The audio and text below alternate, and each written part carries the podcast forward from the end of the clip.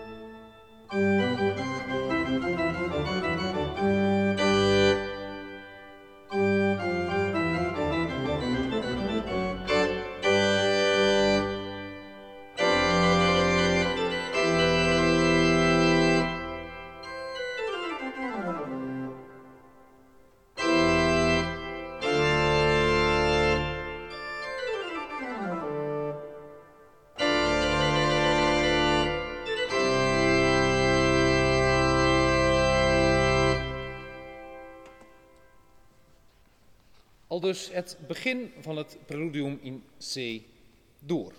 Het heeft eh, ook nog wel eens de bijnaam gekregen Preludium, Fuge und Chaconne, omdat dat de onderdelen zijn die je op het eerste gezicht zo kunt onderscheiden. Maar binnen deze vormen zijn er nog meer onderverdelingen mogelijk. We horen zojuist dus een pedaalsolo. Eh, dat lag ook heel erg voor de hand op die orgels. Ze hadden vaak een grote pedaalbezetting eh, met torens, twee pedaaltorens aan weerszijden van de orgelkas, soms zelfs ook losstaand van de rest van het orgel, eh, waardoor het echt een apart ensemble was. Boeksoede beschrijft een binnenkomer, in dit geval ja-ta-ta-team, pam, pam, pim, pam. Je zou dat natuurlijk strikt in de puls kunnen spelen als pa pa pa pam pam pam pa pam.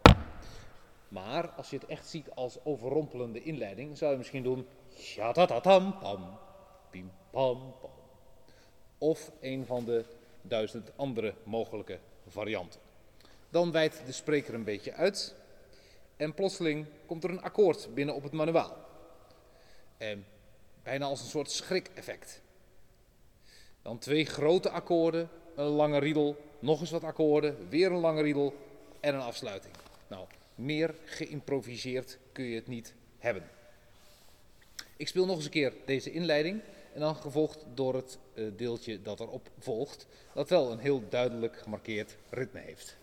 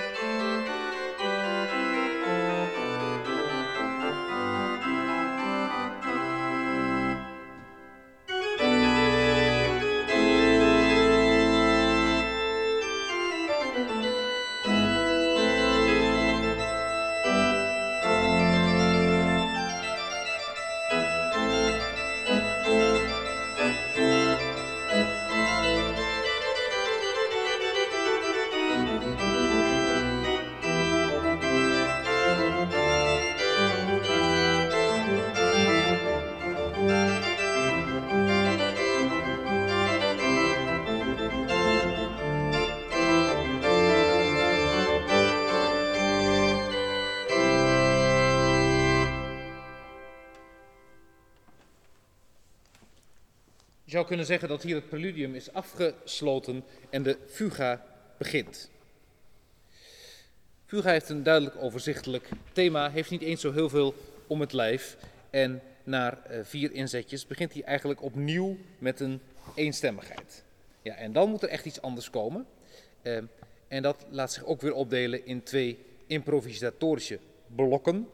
En het geheel wordt afgesloten met een chacona, een mooie driedelige dans waarbij de energie ervan afspat. En dat moet natuurlijk weer worden afgesloten met iets vrijers, eh, toonladde figuren, virtuositeit. En dan komt het tot een jubelend eind. Nou, wat mij betreft bijvoorbeeld een mooie introductie op zondag jubilate of een andere paaselijke zondag. Ik begin nu bij de fuga uit de Sedour van Boekstehoede.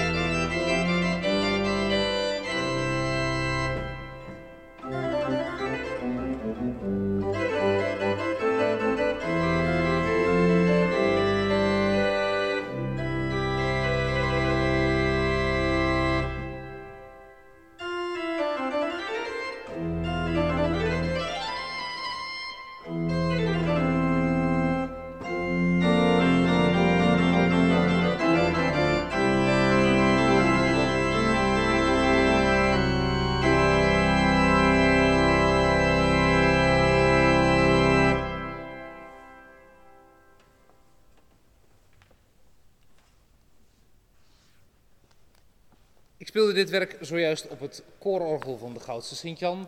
Een orgel gebouwd door de firma Leeflang.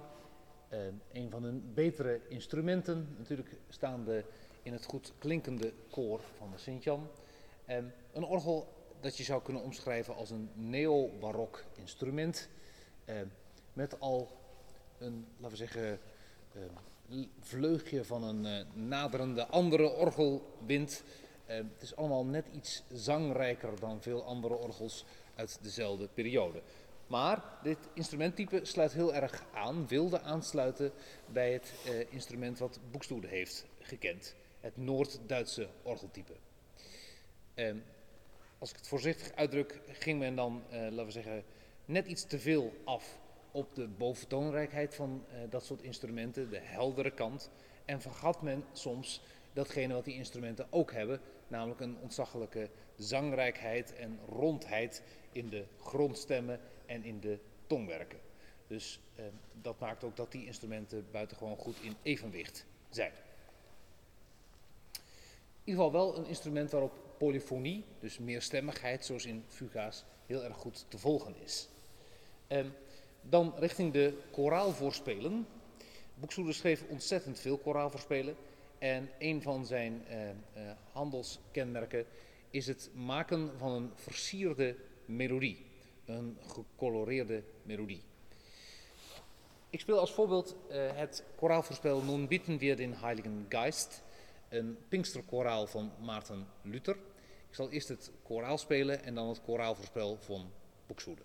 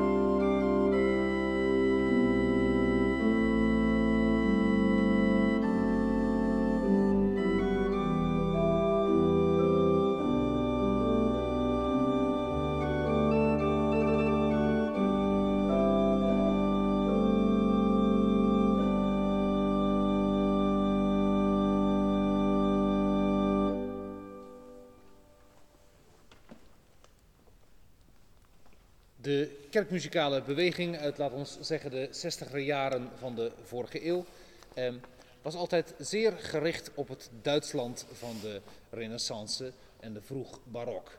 Voor de orgelmuziek eh, zocht men dan voornamelijk inspiratie bij mensen zoals Boekstehoede en Beum. Dat werd ook veel gespeeld, werd en wordt gelukkig veel gespeeld. Eh, deze componisten waren ook weer een voorbeeld van nieuwe orgelcomponisten, zoals Diesler, Pepping, Reda, de mensen van de neobarok. Die namen vaak de vormentaal van uh, zo iemand als Buxtehude over.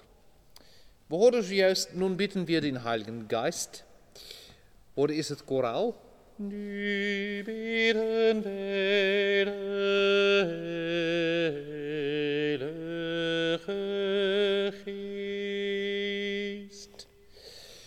horen een melisme, meerdere noten op dezelfde lettergreep op het woordje Heilige Geest.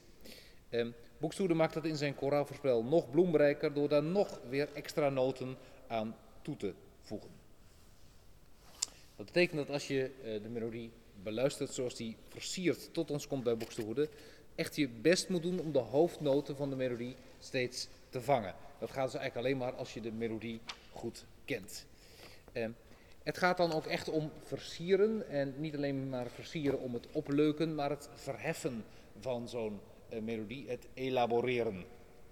Soms zit daar ook een uh, stukje uh, tekstuitbeelding bij. En dat, gaat niet alleen, dat geldt niet alleen de versiering, maar dat geldt ook het harmonie, de harmoniegebruik. Wat we horen tussen de regels is een zogenaamde voorimitatie van de regel die gaat volgen wordt een stukje verklapt, vaak in kanon gezet, alvorens de melodie dan versierd eh, komt. Een ander voorbeeld van zo'n versierde melodie is het koraalvoorspel voor Pinksteren Kom Heiliger Geist, Herre God. Ik had het net over, eh, laten we zeggen, sfeer of tekstuitbeelding. We horen hier een uh, zwierige toonladder omhoog, alvorens we de eerste noot bereiken. Komm, Heiliger Geist, Herr Gott, erfüll mit deiner Gnaden gut.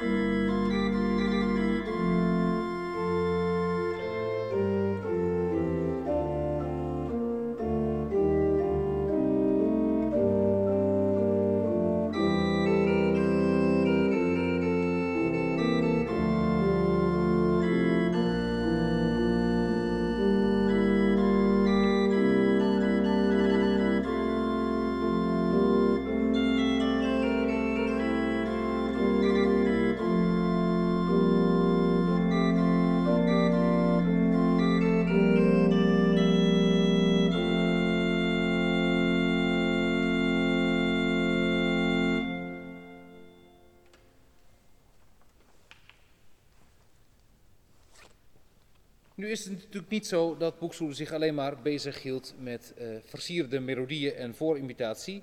Uh, hij wist ook op te gaan met nog meer ingewikkelde en complexe vormen. Als voorbeeld neem ik daarvoor Mit Fried und Freud, ich fahr dahin. Uh, de Lutherse variant van de loszang van Simeon.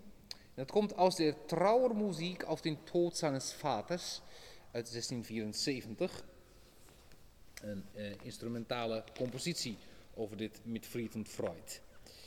In deze orgelversie gaat het om telkens een contrapunctus, dus een, laten we zeggen, een, eh, een zeer polyfoon getoonzet uh, zette bewerking van deze melodie, gevolgd door een evolutio, en dan weer een contrapunctus met een bijbehorende evolutio. En dat betreft dan ook de omkering van de melodie. Bijvoorbeeld, als we van contrapunctus 2 naar, naar de evolutio gaan, krijgen we Den hast du allen vorgestellt. In de evolutie op zijn kop. Hier ist das Heil selig Licht. Een hele andere omgang met deze melodie. Alle stemmen hebben hun uh, zelfstandige waarde. Mit Fried und Freud, ich fahr dahin, Buxtehude.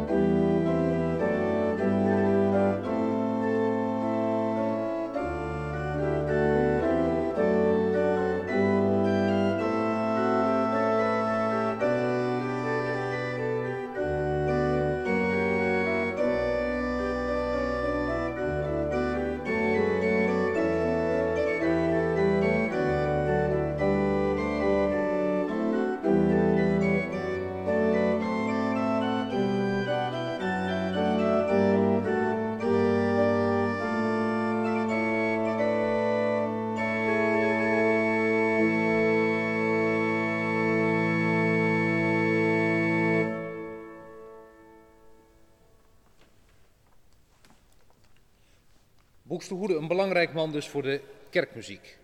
In zijn tijd beroemd om de avondmuzieken die hij organiseerde, waar zelfs Johann Sebastian Bach op afkwam.